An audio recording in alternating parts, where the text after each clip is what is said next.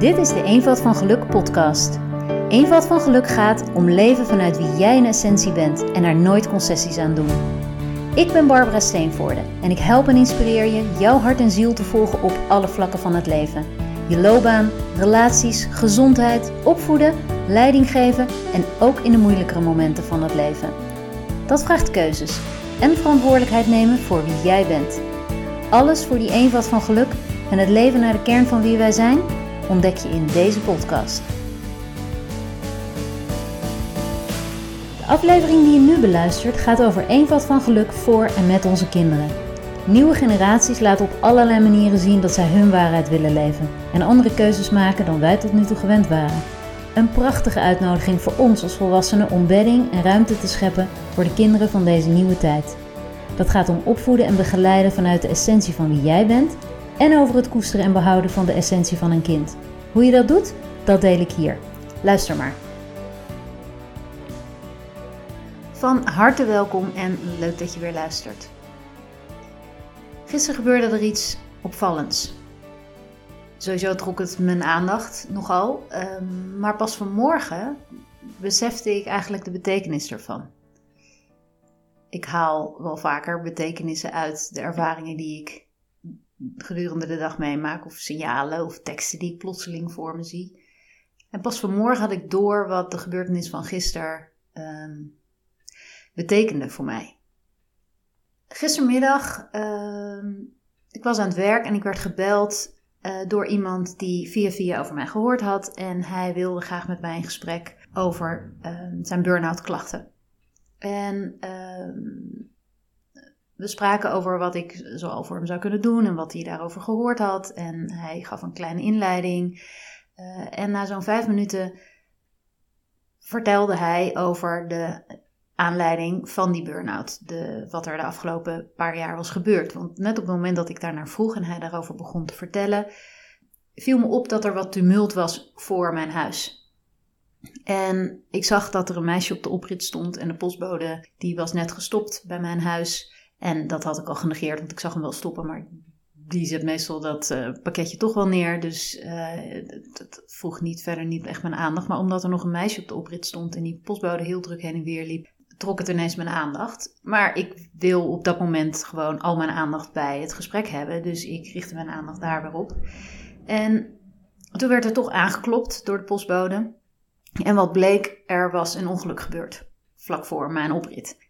En het meisje wat bij mijn oprit stond en bij die postbus stond, had een bloedend gezicht. En op dat moment kun je je voorstellen dat ik in tweestrijd zat. Want als iets ongelooflijk belangrijk voor mij is, is ook een van mijn kernwaarden, is aandacht.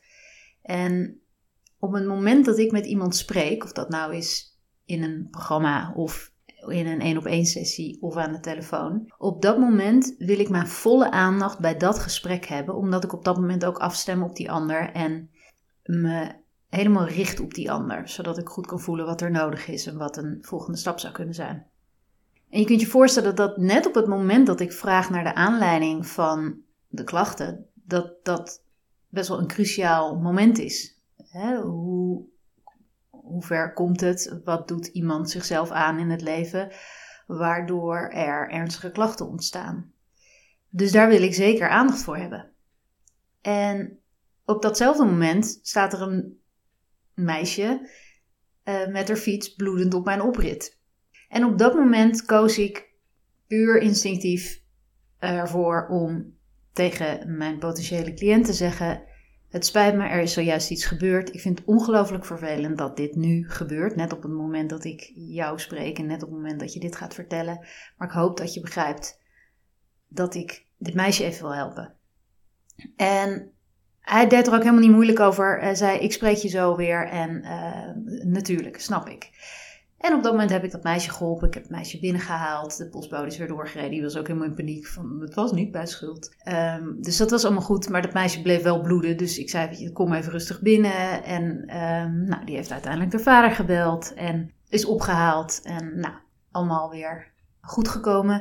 Ik heb de een bewuste cliënt vervolgens teruggebeld en we hebben het gesprek alsnog afgemaakt en kon ik met mijn volle aandacht doen. En vanmorgen toen ik op het bankje voor mijn huis zat en uitkeek op die plek waar dat, die, dat meisje in aanvaring was gekomen met uh, de postbus, besefte ik ineens dat het een antwoord was op een vraag waar ik al even mee liep. Want ik heb namelijk ook gisterochtend, nee, de dag daarvoor, een aflevering opgenomen over omgaan met emoties van jou als volwassene. En direct daarna had ik een aflevering op willen nemen over omgaan met de emoties van je kind. En, ik, en die is mislukt, die is halverwege gestopt. Uh, bleek dat mijn opnameprogramma uh, ineens uitstond. Dus ik was van plan om dat nog op te nemen. En ik dacht, maakt ook niet uit, want ik kan eerst die aflevering over omgaan met emoties bij volwassenen plaatsen. En dan krijg je dat als volgende aflevering te luisteren. Dan doe ik die van die kinderen wel later. En vanmorgen, toen ik zo ontspannen zat terug te denken aan die situatie van gisteren, besefte ik ineens: nee. Gisteren was een signaal dat toen koos ik ook eerst voor dat meisje, eerst voor het kind en daarna voor de volwassene. Terwijl die volwassene me echt nodig had, echt zijn verhaal wilde doen en echt hulp nodig heeft. En er was een meisje wat op dat moment echt hulp nodig had en gewond was. En ik besefte dat dat voor mij een metafoor was voor wat ik op dit moment te doen heb. En dat is de reden waarom ik nu deze aflevering opneem. Uh, die gaat over daar waar onze kinderen gewond zijn. En onze kinderen ons nodig hebben. En ik merk ook steeds meer in mijn werk dat al het werk wat ik doe eigenlijk steeds meer voor die nieuwe generaties is. Ik ben daar zo bevlogen over om kinderen, jongeren de ruimte te geven om zo zichzelf te kunnen zijn. Om daar waar zij gewond raken, onmiddellijk hulp te krijgen van hun ouders of van leerkrachten of van wie dan ook, van de maatschappij in, in zijn geheel. Dat we die kinderen voorop zetten. En niet door curlingouders te worden of ze te pamperen of, of, of met allerlei, uh, ja, vanuit softe, zoals ik dat noem, softe perspectieven. Maar juist door ze in hun kracht te zetten, door te vertrouwen op die kracht van die kinderen en op dat daar um, verantwoordelijkheid gegeven mag worden en dat je die kinderen ziet voor hun grootsheid en niet voor, um, ja, volgende lammetjes, zeg maar. Dus ik ben dankbaar voor dat moment van gisteren. Ik vind het natuurlijk niet zo leuk dat ik die cliënt heb moeten afbreken. Ik vind het niet zo leuk dat er een meisje gewond was en verdrietig was. Maar het was voor mij vanmorgen wel een mooie boodschap. Dus ik heb besloten om uh, deze aflevering uh, over omgaan met de emoties van je kind per direct op te nemen. En om vervolgens in een later stadium mijn aandacht te richten op uh, de aflevering die ik al had opgenomen, namelijk over onze eigen emoties en hoe daarmee om te gaan. Als het gaat om emoties van kinderen, zie ik best wel wat toestanden. Die zien jullie ook, denk ik.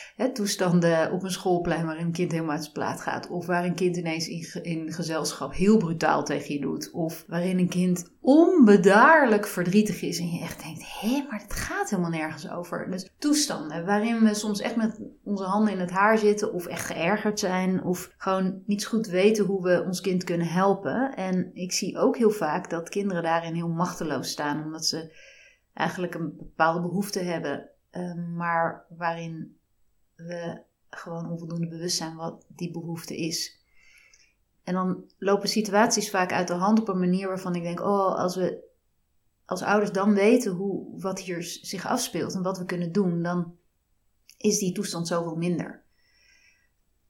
En ik zie ook best wel wat misverstanden als het gaat om de emoties van kinderen. Hè. Ik, ik, zie toch vaak dat ja, ik hoor toch vaak van, goh, het gaat nergens over. Hè? Als, als een kind heel verdrietig is. Of, nou, zo erg is het allemaal niet. Of, ehm, mijn kind is zo pissig, ehm, hij wil gewoon zijn zin hebben. En ik wil je graag meenemen in de emoties om juist die misverstanden uit de wereld te helpen. Want er is geen kind zomaar verdrietig. Er is geen kind zomaar boos. Er is geen kind zomaar uh, teleurgesteld Die emoties doen ervoor, uh, doen ertoe en hebben ook een hele belangrijke functie. En misschien wil ik je daar wel als eerste in meenemen. Wat is nou die functie van emoties in het algemeen, maar zeker ook voor je kind?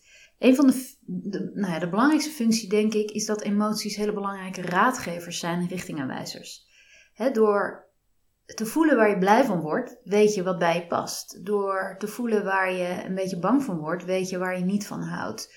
Uh, door te voelen bij welke uh, situaties jij zenuwachtig wordt, weet je of je het wel of niet moet doen. En dus emoties zijn hele belangrijke richtingaanwijzers dus uh, voor dat wat bij past en niet bij past. Of waar jij naartoe mag. Dus het maakt ons attent op onze behoeftes ook. als je ongelooflijk verdrietig bent en uitgeput bent, dan is dat een. Soms zijn we zo verdrietig omdat we onszelf al heel lang iets hebben laten volhouden, terwijl we eigenlijk al helemaal doodmoe zijn. En dan maakt dat verdriet uh, ons attent op het feit dat we gewoon doodmoe zijn en echt behoefte hebben aan rust. Maar als een kind enorm onrustig is en zich ja, uh, gespannen voelt, dan is dat heel vaak een teken dat een kind behoefte heeft aan even lekker rennen of even iets anders doen of even lol hebben.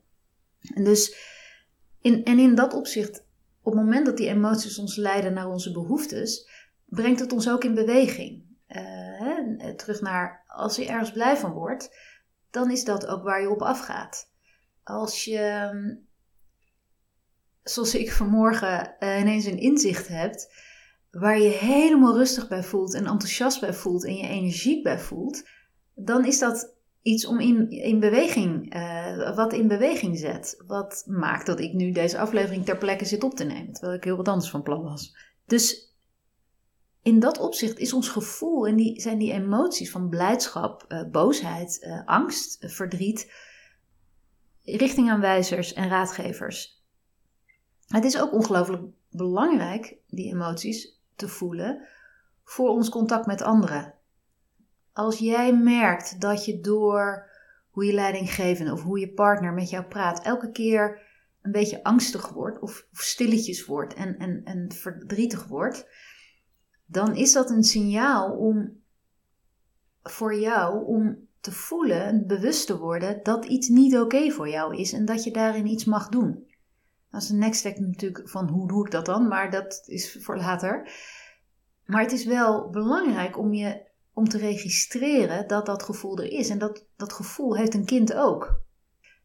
als een kind zich niet fijn voelt of bang is voor een, uh, niet fijn voelt bij of bang is voor een leerkracht, uh, dan mag je dat echt heel serieus gaan nemen. Want het is kennelijk gebeurt daar dan iets, hoe goed die leerkracht het ook bedoelt, wat voor dat kind er nou van niet prettig is. En als je daar met een kind over kan praten, door het serieus te nemen, dan kan je ook vervolgens met zo'n leerkracht in gesprek gaan. Ik kan me nog herinneren dat uh, er een zwemleraar was uh, in het zwembad waar mijn uh, zoon uh, les had.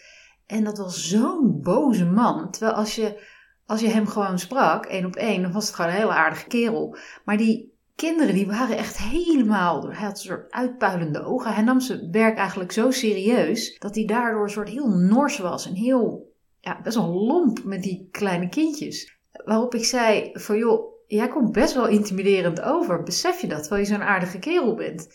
En, en doordat je dat dan kan zeggen, hè, doordat je de angst van je kind um, serieus neemt, kan, kan je iets moois meegeven aan zo'n zwemleraar die vervolgens heel hartelijk moest lachen. En zei, ja nee, ik, ja, ik heb dat wel vaker gehoord, maar ik moet daar inderdaad echt op letten.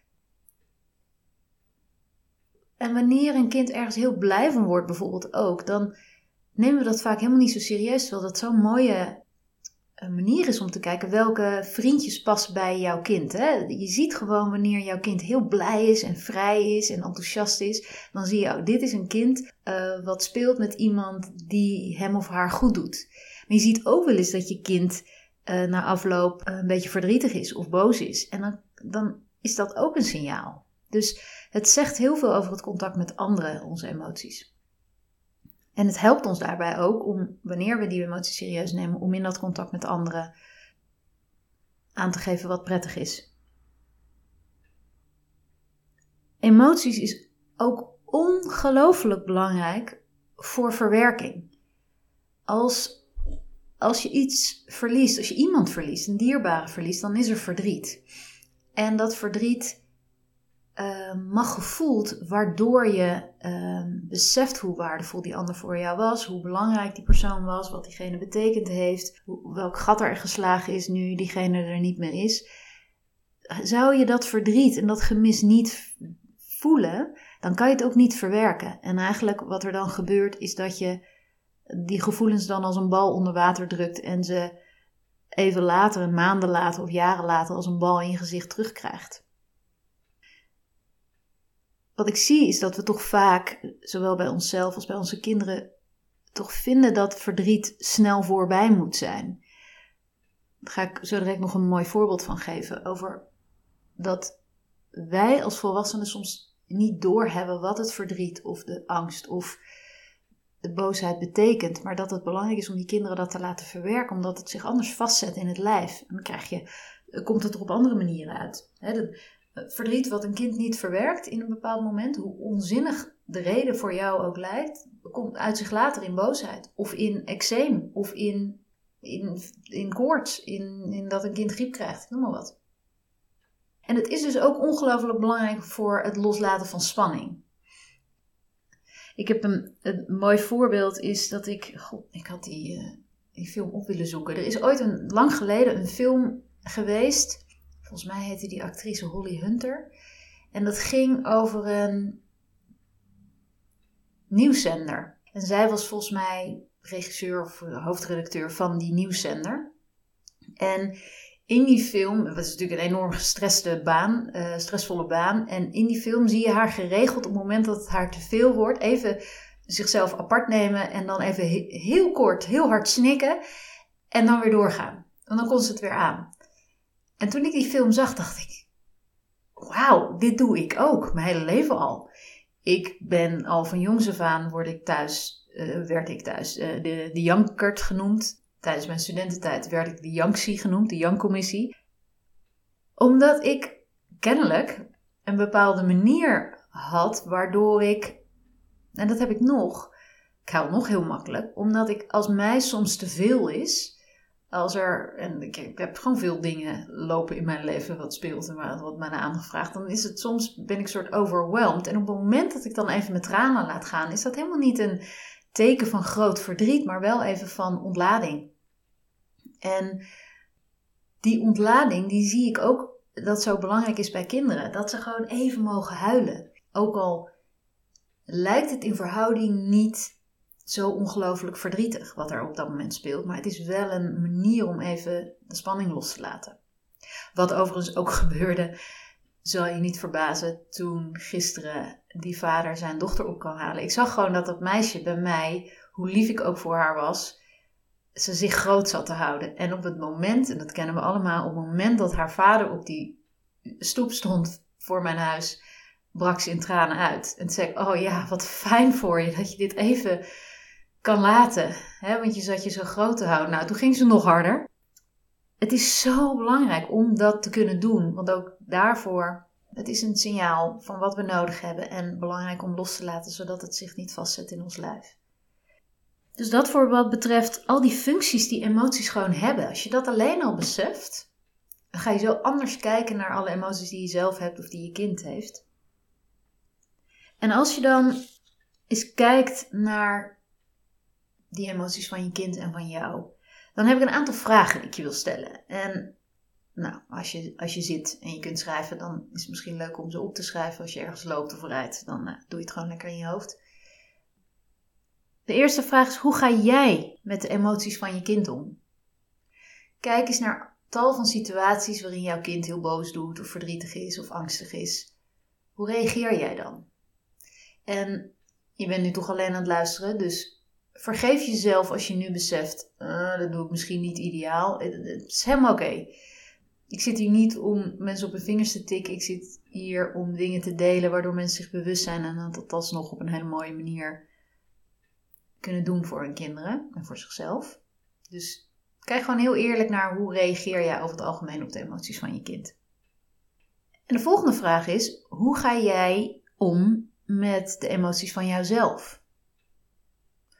Vind je die oké? Maak je daar ruimte voor? Erken je die? Eh, ga je daar voor zitten? Of wil je er eigenlijk snel overheen? Ga je snel andere dingen doen om je af te leiden? Wat, hoe ga jij met je eigen emoties om? Is het oké als je die hebt? En de derde vraag is: als je kijkt naar jouw gezin van herkomst, hoe heb jij daar geleerd om met emoties om te gaan? Welke plek kregen emoties in jouw gezin van herkomst? Hoe heb jij geleerd dat jij dealt met emoties? En de vierde vraag, wat neem jij mee van die opvoeding die jij kreeg in wat je je kind leert? In hoeverre heb je dat doorgezet? Of in hoeverre doe je misschien juist het tegenovergestelde? Ik denk dat ik daarin juist het tegenovergestelde ben gaan doen. Iets wat je misschien wel herkent, dat mijn moeder reageerde heel vaak op als ik huilde, op dat er, dat er geen reden voor was. Ik kan me jaren geleden herinneren dat we op een familiedag was dat. Uh, toen liep ik over straat en mijn nichtje was toen een jaar of drie geloof ik, de dochter van mijn broer. En zij moest huilen omdat nou, ze heeft twee neven en twee broers. En nou, dat is niet altijd een feest voor dat kind. Uh, dat zijn natuurlijk gewoon af en toe echt etterbakken. En om gek van te worden als meisje. Dus ik zag gewoon dat, zij, dat het haar te veel was en ze begon te huilen. En mijn moeder en ik liepen met haar. En um, op dat moment stopt mijn moeder even en zegt tegen mijn nichtje: Nou, en nu je tranen uh, drogen, want dit is geen reden om te huilen.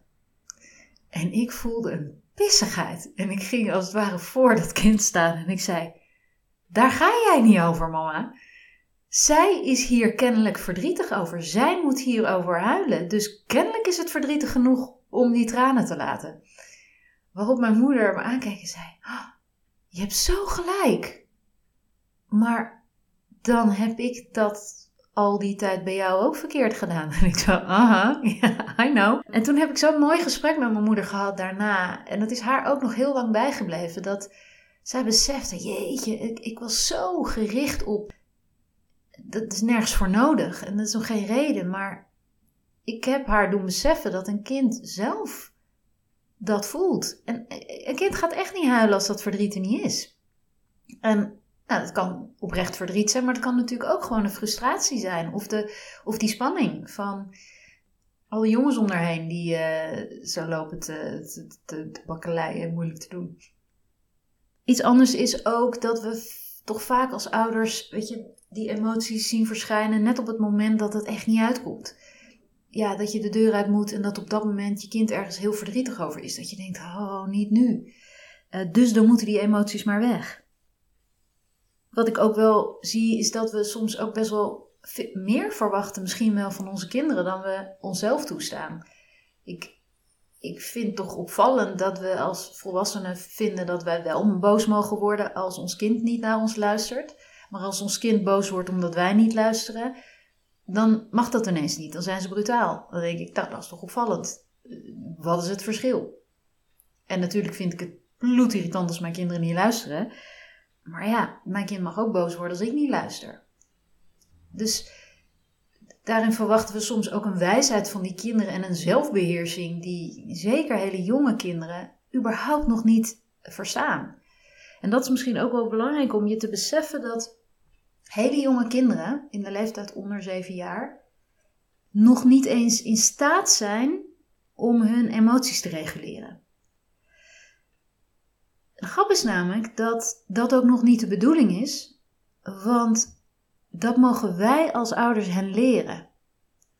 En als ik dit aan ouders vertel, ontstaat er vaak een enorme mindshift, want dan beseffen ze ineens: oh, ik ben de hele tijd aan het, ja, als een soort scheidsrechter aan het bepalen of emoties wel passend zijn of niet passend zijn. Of ik vind dat mijn kind onredelijk reageert ergens op. Maar als je kind teleurgesteld is omdat, het, omdat de ijsjes op waren. Of uh, dat een kind ja, zich gefrustreerd voelt over een sociale, uh, sociale situatie met andere kinderen. Dan, dan is het heel belangrijk om je te realiseren dat een kind moet leren van ons. of mag leren van ons, hoe het met die emoties om kan gaan. En op het moment dat een kind drie is en helemaal overstuur is, kan een kind dat echt niet reguleren.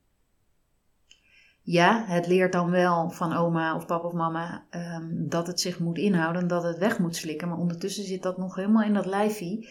En uh, is een kind ook helemaal niet geholpen bij hoe het in zo'n situatie dat gevoel kan voelen en het er kan laten en dan weer een fijne dag heeft. Dus ze mogen het van ons leren. Uh, waarbij wij in gedachten houden dat die emoties een functie hebben. En dat we vervolgens mogen gaan kijken met onze kinderen hoe ze daarmee om kunnen gaan. Want kijk eens naar hoe we dat eigenlijk heel vaak doen. En ook dit is niet een moment om mensen op hun vingers te tikken, maar gewoon alleen maar om bewust te zijn. Herken je dat je heel vaak als een kind gevallen is en verdrietig is? Dat je dan hebt gezegd: doe maar een snoepje en dan uh, is het zo over. Overleg er een koekje op, dan uh, gaat de pijn weg. Of ga, uh, ga maar heel eventjes een filmpje kijken, dan word je vanzelf weer rustig. Ik besefte namelijk op een gegeven moment, mijn zoon jonger was, dat, dat hij, als hij viel en verdrietig was, dat hij dan meteen zei: Ik wil televisie kijken. Op een gegeven moment dacht: Je bent net gevallen, je knie ligt open. Hoezo is dan het eerste waar je aan denkt televisie kijken? En toen besefte ik: Oh jee, dit heb ik zelf gecreëerd. Ik deed namelijk vaak als hij overstuur was, dan merkte ik gewoon dat zodra hij eventjes een filmpje keek, en het begon natuurlijk ooit met de Teletubbies. Maar tegen de tijd dat hij een jaar of acht was, was dat natuurlijk met andere programma's. Zodra hij televisie keek, was het weg. En eigenlijk had ik hem geleerd om dat weg te stoppen en zichzelf af te leiden. En wat krijgen we dan? Dat een kind dus niet doorvoelt dat hij pijn heeft, niet doorvoelt waar hij verdrietig over is en ook niet leert om daar op een goede manier mee om te gaan. Wat krijg je dan? Dat die gevoelens uh, weggestopt worden. Het gevolg van gevoelens die weggestopt worden of niet doorvoeld worden, is dat we uh, de hele tijd allemaal manieren bedenken om onszelf af te leiden of om dat eronder te stoppen, om weg te duwen. En dat noem je ook wel in de psychologie maladaptieve strategieën. Dus verkeerde manieren van aanpassing. Met andere woorden, we hebben er niet mee leren omgaan hoe we dat kunnen doen. En op het moment dat we dat van jongs af aan al eh, met een koekje, snoepje of een televisie of op welke andere manier, of, of droog je tranen maar snel, want dit is geen reden om te huilen, dan leren we onze kinderen eigenlijk meteen de knop omzetten naar iets anders, maar we leren dus niet onze kinderen om om te gaan met die emoties, met alle gevolgen van dien. En wat zijn die gevolgen dan? Nou, er zijn drie bekende gevolgen van het niet doorvoelen en het niet goed met emoties omgaan. Dat is ten eerste op het moment dat een kind heel veel emoties heeft en die als een, dus zoals ik dat net eigenlijk ook zei, als een bal onder water duwen. Dus van nou, het is geen reden om te huilen of, of, of eh, ik mag niet verdrietig zijn, want anders wordt iemand boos. Ehm, dan duwt iemand een kind dat weg. En wat je ziet, dat dit, dit zijn vaak kinderen die enorm gaan piekeren. Dus er zit zoveel onder dat oppervlak dat dat gaat daar sudderen. Want er speelt van alles.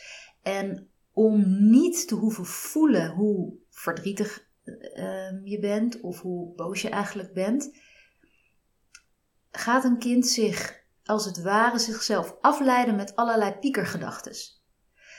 En dat piekeren schiet vaak ook door in allerlei fobieën op een gegeven moment, bijvoorbeeld in de leeftijd van de uh, puberteit. Um, dat begint dus eigenlijk met piekeren. Van goh, um, een jong kind wat zich zorgen maakt over, uh, over inbrekers of over uh, water of over kom je wel op tijd weer thuis. Weet je, zo kleinere gedachten, wat je mogelijk kan bespeuren bij je kind. Ehm, en de reden daarvoor is dat het een ideale afleiding is van de emoties die daaronder liggen, die helemaal niet gaan over angst. Ik zeg ook altijd tegen mensen die bijvoorbeeld een fobie hebben, angststoornis of smetvrees of iets, neem een spinnenfobie. een spinnenfobie is niet ontstaan, nou zelden ontstaan door dat je als kind een, uh, een spin in je wiegje hebt gehad. Het voordeel van een spinnenfobie, eigenlijk is dat ook een vorm van bescherming, een vorm van afweer. Het voordeel van een spinnenfobie is namelijk dat je overal waar je komt constant bezig kunt zijn met zoeken naar spinnen. Zit daar een spin? Is deze ruimte spinvrij? Uh, wat moet ik doen? Oh, dan moet ik daar gaan zitten. Of oh, die spin moet weggehaald. Dus je bent zo druk met al die spinnen dat je niet toe hoeft naar de emoties die jij in jouw systeem hebt opgeslagen. Dus naar het verdriet wat je hebt om over een bepaalde ehm, situatie in je leven. En wat je dus ook ziet is dat fobieën vaak veel erger worden als iemand net een hele uh, lastige situatie achter de rug heeft. Of um, zich zorgen maakt over dingen. Of heel verdrietig is ergens over. Dan komt als een dolle die fobie weer terug. Hetzelfde als met smetvrees. Als je me de hele tijd druk kunt maken over schoon zijn, dan hoef je niet te voelen wat daaronder ligt. Dus het is eigenlijk een soort afleidingsmechanisme waarvan we denken, oh, dat heeft zijn oorzaak direct verbonden aan die fobie. Hè? Dus oorzaak bij, oh, je hebt ooit iets meegemaakt met een spin. Of, oh, je... Nee, dat is vaak niet zo. Het is een, een dekmantel om niet te hoeven voelen wat daaronder ligt. Dus een, gevolg, een van de gevolgen van niet doorvoelen en niet kunnen omgaan met emoties is dat een kind gaat piekeren en uiteindelijk zich dat uit in fobieën. Een andere is gevolg van wegstoppen van die emotie, is boosheid. Eigenlijk met dezelfde functie. Het is niet zo fijn als je warm aan het vuur van de woede, zeg ik wel eens. Want de emoties die eronder zitten voelen soms koud en soms ellendig en soms zo naar. Dat wanneer we maar heel erg druk kunnen maken ergens over, heel erg boos kunnen zijn, dan is dat zo'n hevig vuur in ons dat we ook weer dat wat daaronder ligt, over een totaal ander onderwerp, niet gevoeld hoeft te worden. En een andere hele bekende, die we allemaal kennen, denk ik, is ontwijken. Dus die, de, fobie of de, het piekeren en boosheid is om, om het niet te hoeven voelen. Als een soort mentale dekmantel. Ontwijken is een hele bekende dat is eigenlijk als gevolg van de televisie, het snoepje of het koekje. Wat zie je dan dat wij als volwassenen inmiddels eigenlijk zodra we verdrietig zijn een drankje nemen. En dat uiteindelijk misschien uitmondt in uh, echt drangmisbruik of drugsgebruik. Of zodra we verdrietig zijn, we behoefte hebben aan eten. Ja, en het zou zo zonde zijn als we van jongs af aan onze kinderen eigenlijk al verslaafd maken. Doordat we hen niet helpen met die emoties om te gaan, maar ze juist troosten met dat snoepje of koekje. En nee, nou, als je dat één keer doet, heeft een kind echt niet een eetprobleem. Maar dat wat je in volwassen leeftijd bij mensen ziet, is vaak wel, is dit vaak wel de oorzaak daarvan. Dat ze niet hebben geleerd om om te gaan met die emotie, ook daar überhaupt niet meer naartoe durven. Dus liever dat ik mezelf troost met iets, met een substantie, dan dat ik uh, bereid ben die emoties te doorvoelen dat is ook waarom je ziet dat waar heel veel kinderen heel snel achter een, een gameapparaat of achter televisie gezet wordt, dat, dat zie je nu bij volwassenen die eindeloos Netflix kijken. Of zichzelf voortdurend bezighouden. Ik, ik heb ook vaak cliënten die zeggen: nee, maar ik, ik kan wel goed met mijn emoties omgaan. Want als ik me echt heel rot voel, verdrietig voel, dan dan kan ik echt heel goed met een dekentje op de bank en een avondje Netflix en niks doen. Oké, maar kan je ook met een dekentje op de bank gewoon voelen wat je voelt? En erkennen dat je kennelijk ergens heel erg verdrietig over voelt, of ergens heel erg boos over bent, of volledig uitgeput bent. Of doof je dat door jezelf af te leiden? En dat is echt het kenmerk van ontwijken, dat we um, onszelf in, in de dagelijkse dingen zo afleiden dat we nou ja, dus niet naar die emoties toe hoeven. En dat is ook iets wat ik bijvoorbeeld veel zie voorkomen: dat mensen die um, naar die emoties toe gaan op een gegeven moment, dat ze dan ineens hevig de zolder gaan opruimen, uh, bezig blijven. Ik kan je in alle eerlijkheid zeggen dat ik ooit een situatie heb gehad, jaren geleden. Ik denk dat dat, nou, ik weet niet eens hoe lang geleden, echt heel lang geleden. Toen weet ik nog dat ik op een zaterdagochtend uh, de keuken inkwam en allemaal potten verf neerzette. En mijn man die zat op dat moment op de bank en die keek op en die dacht: Oh jee. Ik zag het uit zijn gezicht en ik zei: Ja, nee, weet je, wat ik even wil vandaag is dat we gewoon even, hoeft niet lang te duren, maar dat we even gewoon het hele huis doorgaan en even overal waar uh, een schadigingetje op de muur zit of een kras, dat we dan even dat zo een beetje bijlakken. En dat we overal even zo, nou, even overal een stipje en een dingetje, alles even een beetje herstellen en een beetje opfrissen.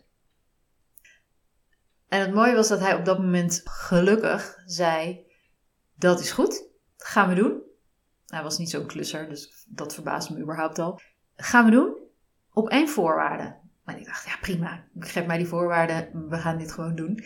Als jij, zei eerst een uur de tijd neemt om te kijken waar dit over gaat. En toen dacht ik, oké, nou, dat ga ik doen.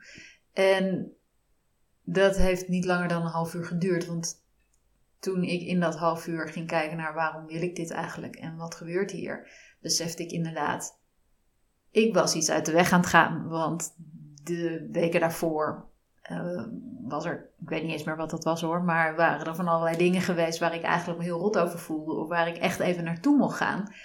Maar mijn ideale manier om daar niet naartoe te hoeven gaan is door lekker bezig te blijven en nou, zoals een ander de zolder aanpakt, ik gewoon even alle muren en uh, kozijnen van het huis ging aanpakken.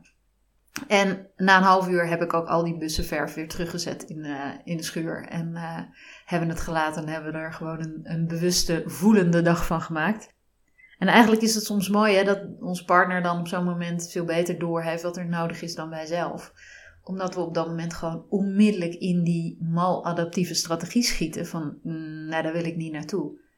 Terwijl eigenlijk is het zo spannend niet als we beseffen hoe vermoeiend het is om een heel huis te moeten schilderen en bij te werken. En hoe veel energie het geeft als je wel naar je emotie toe gaat, dan ja, zijn we onszelf van veel meer hulp volgens mij. Hè? En dit is ook wat we mogen doen voor onze kinderen. Dat we ze helpen omgaan met die emoties. Weet je, wat ik veel zie gebeuren is dat bijvoorbeeld kinderen Ehm, op heel jonge leeftijd al medicijnen krijgen omdat ze heel driftig zijn of heel druk zijn. En vaak is dat het gevolg van emoties die weggestopt worden, waardoor een kind als het ware, ja, zie het als een grote eh, pot die op het vuur staat, die, waar van alles onder borrelt. En dat mag er niet uit. En dan komt het eruit in die boosheid of in dat hele drukke gedrag. En op het moment dat wel een kind dan aan de pillen laten gaan. En een kind dan bijvoorbeeld later op zijn 18e of 25e besluit: ik wil nu van die pillen af, want ze, ze werken ook op een niet meer.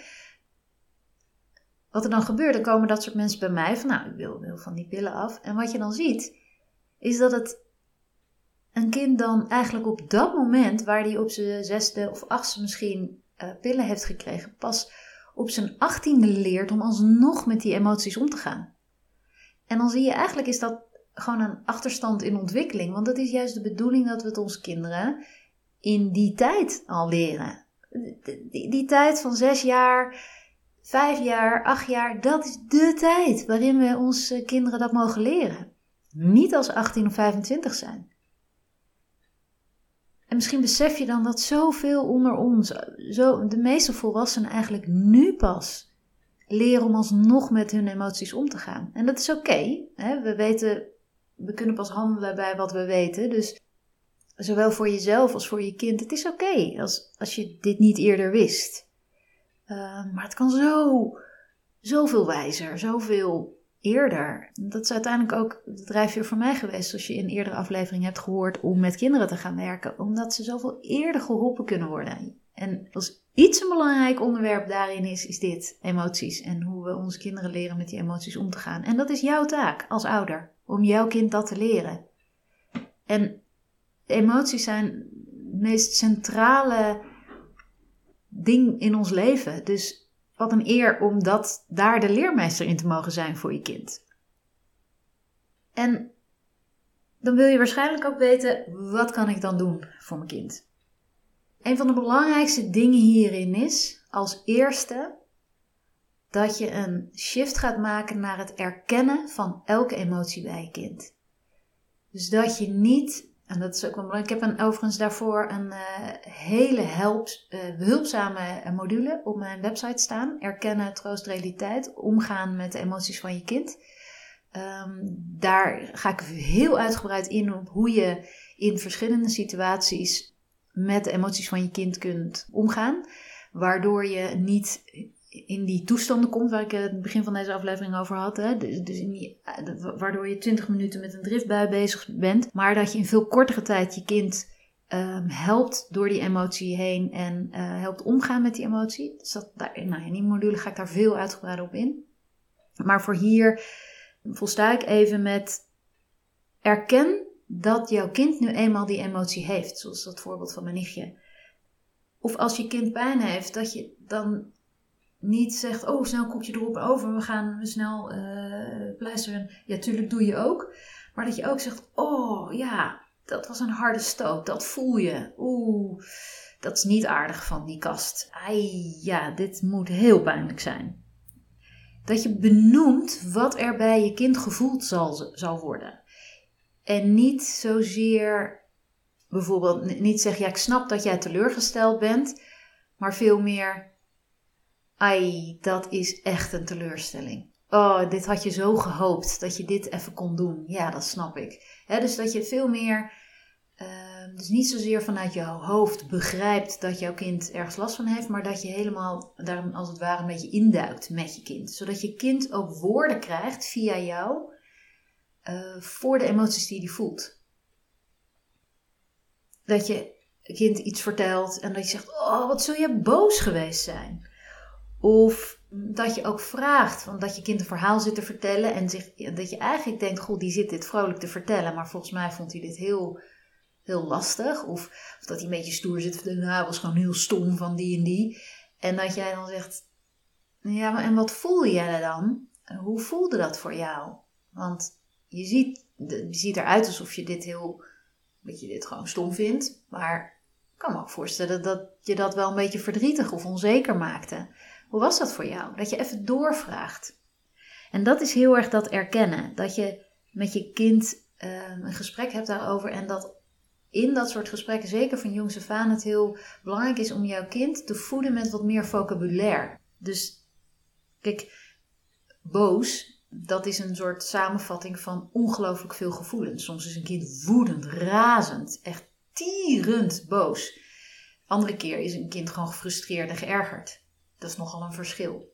En voor een kind is het overigens ongelooflijk belangrijk dat, daarin, dat je daarin goed afstemt op je kind en ziet wat de emotie echt is. En want ik weet nog dat een keer mijn man tegen mijn zoon zei: ja, nou, ik begrijp wel dat je daar een beetje bozig over bent. Dus die wilde, die weet ook natuurlijk van dat erkennen. Dat, dat heb ik natuurlijk van jongs af aan, dat die kinderen klein waren al uh, meegevoed van, hè, belangrijk dat je de emoties van onze kinderen erkent. Dus hij deed zijn stinkend best om te zeggen, nou, je bent daar bozig over. En mijn zoon keek zo verontwaardigd. En die keek naar mij en mijn man keek ook naar mij zo van, wat doe ik nou weer verkeerd? En ik zei, nee, hij is niet bozig. Hij is echt woedend. En per direct viel die woede van mijn zoon af, omdat hij zich zo erkend voelde en dacht: ja, dat voel ik. Ik ben gewoon woedend. En wij vonden het nergens over gaan. Het ging geloof ik over tandpasta of zo. Maar hij was woedend. En als je dan zegt bozig, dan kan je je voorstellen dat zo'n kind echt denkt: nee, dat is niet wat ik voel. Uh, maar een kind heeft heel vaak niet de juiste vocabulaire om dat te kunnen benoemen. En juist als wij ons kind helpen met allerlei verschillende woorden, van onzekerheid, verlegenheid, uh, het is spannend, het is, uh, je bent bang, je bent verdrietig, je bent sip, je bent teleurgesteld. Als je al dat soort woorden, dan kan een kind ook in het geven van woorden aan zijn emotie leren om met die emoties om te gaan. Een van de belangrijkste dingen van met emoties omgaan is dat je het herkent, wat dit voor emotie is. En dat kunnen wij ons kind leren door het te erkennen en door woorden aan te geven. Iets anders is ook belangrijk dat een kind soms geholpen wordt door het in zijn lijf te voelen. Wat ik dan vaak wel doe met kinderen, zeg: Goh, als je dat zo voelt, hè, als, je daar, als je daar ongemakkelijk over voelt of een beetje onzeker bent, waar zit dat in je lijf? En dan zegt een kind bijvoorbeeld, ik had van de week een cliëntje hier en die zei: Ja, dat zit een beetje tussen mijn hart en mijn, en mijn keel in. En als ik dat en dat denk, dan zit het in mijn keel. En als ik dat en dat denk, dan zit het meer bij mijn hart. Dan denk ik, oh wauw, dit is ook zo gaaf dat kinderen dit zo makkelijk kunnen benoemen. En dan zeg ik dus ook, oh wauw, dus er is een verschil. Dus als je het een denkt, zit het daar. En als je het ander denkt, zit het daar. het lijkt wel alsof er twee verschillende mensen in jou zit. Kan dat kloppen? En dat meisje zei, ja, ja, dat klopt. En zei ik, oh, maar er is ook nog een derde. En dat is degene die die emoties allemaal kan zien. En dat is dus ook zo belangrijk om je kind mee te helpen. Om, om af en toe te vragen van, goh, waar zit dat nou in je lijf? En wanneer een kind dat lokaliseert in het lijf, kan een kind zich ook meer bewust worden van, hé, hey, het is slechts een deel van mij die dit voelt. En ik kan er als observator, als het ware, naar kijken. Ik ben niet mijn emotie. Dat is een van de belangrijkste dingen die we allemaal mogen leren. Dat we onze emotie niet zijn. En dan kan je dus je kind al van jongs af aan leren. Door af en toe te vragen, oeh, waar zit dat? En dat helpt een kind om een beetje afstand te nemen tot zijn emotie. En juist die afstand maakt dat je kind er beter mee om leert gaan. Dan, de volgende vraag kan bijvoorbeeld zijn, wat wil je ermee? Dus dat gevoel zit daar. Wat, wat zou kunnen helpen om dat gevoel, ja, wat wil dat gevoel eigenlijk van je? Soms is dat nou, dat ik tegen het vriendje zeg dat ik het niet leuk vind, of dat ik tegen mijn vriendinnetje zeg dat ik, het, dat ik liever iets anders ga doen, of weet ik veel.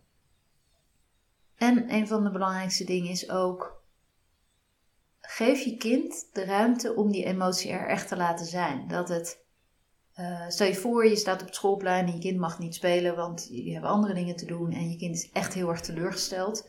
Laat je kind ook even sudderen op die teleurstelling. Dat het oké is. Dat je zegt, nou, dat is ook helemaal niet zo gek. Dus laat maar even. Of als een kind heel verdrietig is, dat je zegt van, ja, voel het maar even. Doe maar iets liefs voor jezelf, waardoor je met dat verdriet even kunt zijn, alsof het onder je arm zit. En je neemt dat verdriet met je mee en je zult merken hoe meer je het te laat zijn. Ja, op een gegeven moment is het weer weg. Dan zul je merken, oh ja, nu, nu voel ik me weer lichter, nu voel ik me weer blij. En dan ga je weer doorspelen. Ik ken jou. Ik ken jou. Je weet altijd wel weer oplossingen te vinden waardoor je uiteindelijk weer blij bent. Dus laat het maar eventjes. Het is oké. Okay. Een kind mag wel even boos zijn. Soms heeft een kind gewoon echt een hele goede reden om boos te zijn. Dan krijgt hij niet, misschien, niet meteen zijn zin. Ehm, maar het mag wel, toch? En dat is natuurlijk ook de reden waarom wij het, onze eigen boosheid of verdriet niet de ruimte geven. Omdat het van onze ouders niet mocht. Daar hebben we geen tijd voor. Of dat is nergens voor nodig. Of uh, zeg, doe niet zo brutaal. Uh, hier heb je niet boos over te zijn. Ja, die boosheid is niet voor niks. En tot slot, als het er mag zijn, als je het erkent, als je een kind helpt om met die emotie te zijn, dan kan je vervolgens ook een kind helpen met: hé, hey, en wat wil je hier nu mee? Dus stel je voor dat je een kind hebt wat telkens heel opstandig wordt. Bijvoorbeeld van uh, nou, dat het van alles moet. En jij denkt dan met je volwassen geest: ja, er zijn nou eenmaal die dingen die moeten in het leven. Nou, ben ik niet helemaal mee eens. Want ik denk dat we altijd keuzes hebben. Maar ja, ik kan me voorstellen dat de meesten van ons dat wel gewoon zo voelen. Maar dan zie je dat je kind daar onhandig mee omgaat. Uh, dus wat je kan doen, is dat je dan tegen je kind zegt: Oké, wat we gemerkt hebben aan de situatie van vanmorgen, van gisteren, is dat je dus heel opstandig wordt als je dingen moet. En als dat heel erg wordt, dan word je ook heel boos ja, op school moet er nou eenmaal veel en hier moet er soms ook wel even wat. En nu reageer je dus nog met heel boos of heel opstandig.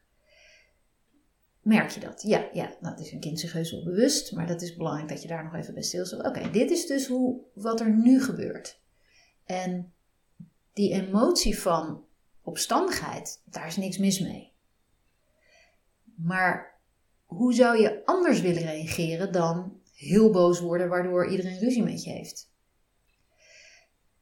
En daarmee zeg je dus eigenlijk tegen je kind: met jouw emotie is niks mis. Je ik denk dat de meesten van ons een beetje opstandig worden, diep van binnen, van alles wat we moeten. Dus met die emotie is niks mis. Alleen, ik wil wel dat jij leert anders omgaan met die emotie. Wat wil je ermee? En bijvoorbeeld, ik heb mijn kinderen vaak geleerd om te zeggen: als je, je merkt dat je heel, heel boos wordt, ik ga je niet wegsturen onderaan die trap. Dat heeft geen enkel nut. Maar ik wil wel dat op het moment dat jij merkt dat je in jouw boosheid een ander slaat of, of heel nare dingen gaat zeggen, dan ben je daarna heel verdrietig over. Dus om dat te voorkomen, let op, zodra jij boos wordt, leer jezelf dan even weglopen.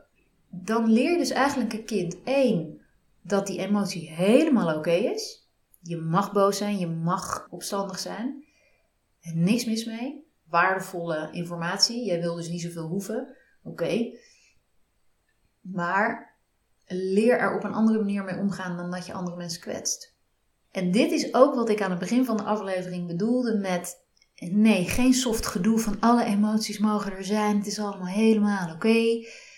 Ja, dat is het.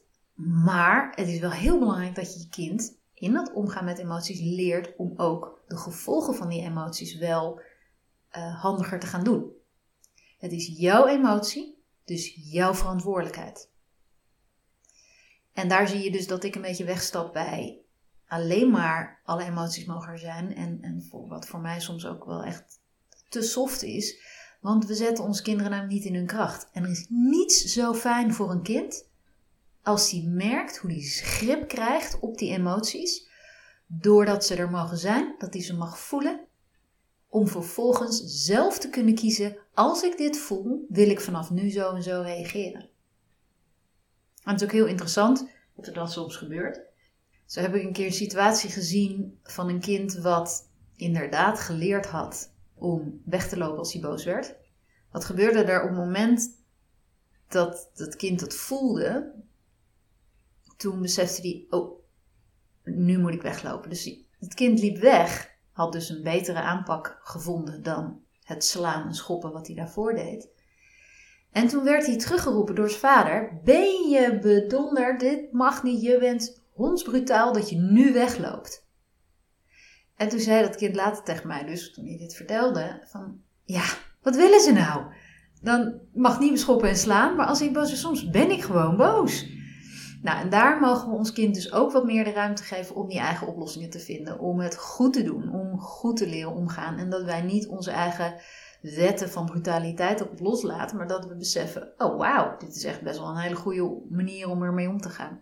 Dus ja, we slaan op allerlei manieren nog wel eens de plank mis. Je hoort aan mijn voorbeelden ook dat ook ik verkeerde keuzes heb gemaakt. Of verkeerde, ja, ik weet niet, is dat verkeerd? Gewoon, eh, dat is het nadeel van onwetendheid of onoplettendheid. En die horen er ook gewoon bij, hè? In alles wat je opvoedt. In, in hoe wij het geleerd hebben van onze ouders. Het is toch niet zo gek dat wij dat doorgeven en onze eigen manieren hebben gevonden om er met onze eigen kinderen mee om te gaan. Maar ik hoop dat, dat we dit als volwassenen, of we dat nou met onze eigen kinderen doen of met de emoties van andere kinderen, dat we beseffen hoe belangrijk die raadgevers zijn, die emoties zijn. En dat onze kinderen daarin geholpen worden om uh, dat te verwelkomen en om daar gaandeweg die jaren steeds handiger mee om te gaan. Zowel door ze te laten zijn als door ze te benutten. Daar krijgen we hele wijze kinderen van. Dus ik hoop dat je hier iets aan gehad hebt. Ik hoop dat je, nou, dat je niet het gevoel hebt overgehouden van: oh jee, dat heb ik al die tijd verkeerd gedaan. Is nergens voor nodig zie alles wat ik zeg gewoon als een uitnodiging. En wees nieuwsgierig naar jezelf, onderzoekend naar hoe je het nu doet. En wees nieuwsgierig naar je kind. En ehm, ik wens je heel veel gevoel, heel veel emoties en heel veel plezier toe met je kind in uh, hoe je dit verder gaat oppakken. Dus dank voor het luisteren weer en Als je door deze aflevering enthousiast bent geraakt over geluk in opvoeden Schrijf je dan in voor de masterclass Begrijpen wat je kind bedoelt via www.barbarasteenvoorde.com slash masterclass begrijpen. Leuk dat je deze aflevering geluisterd hebt. Ik hoop dat je erdoor geïnspireerd bent geraakt om nog meer te gaan leven naar jouw essentie om vervolgens alles op je pad te krijgen wat daarbij past. Ben je nu toe aan meer geluk en wil je dat ik je meeneem in mijn plannen en inspiratie? Dan kun je me vinden via mijn website barbarasteenvoorde.com en op Instagram, Facebook of LinkedIn. Als je alle Eenvoud van Geluk afleveringen wil blijven volgen, klik je op subscribe of abonneren in je podcast app. En ik waardeer het heel erg als je mijn podcast deelt met anderen of als je een review achterlaat. Dan help je me een beetje de eenvoud van geluk verspreiden. En dat is nou net wat ik zo leuk vind. Maar het allerleukste vind ik om jouw persoonlijke verhaal te horen. Dus laat vooral weten wat deze aflevering jou aan inzicht of beweging bracht. Heb je heel concreet een vraag, een wens of een suggestie? Stuur me dan even een berichtje via mijn website of Instagram. Tot de volgende aflevering. Tot nog meer geluk.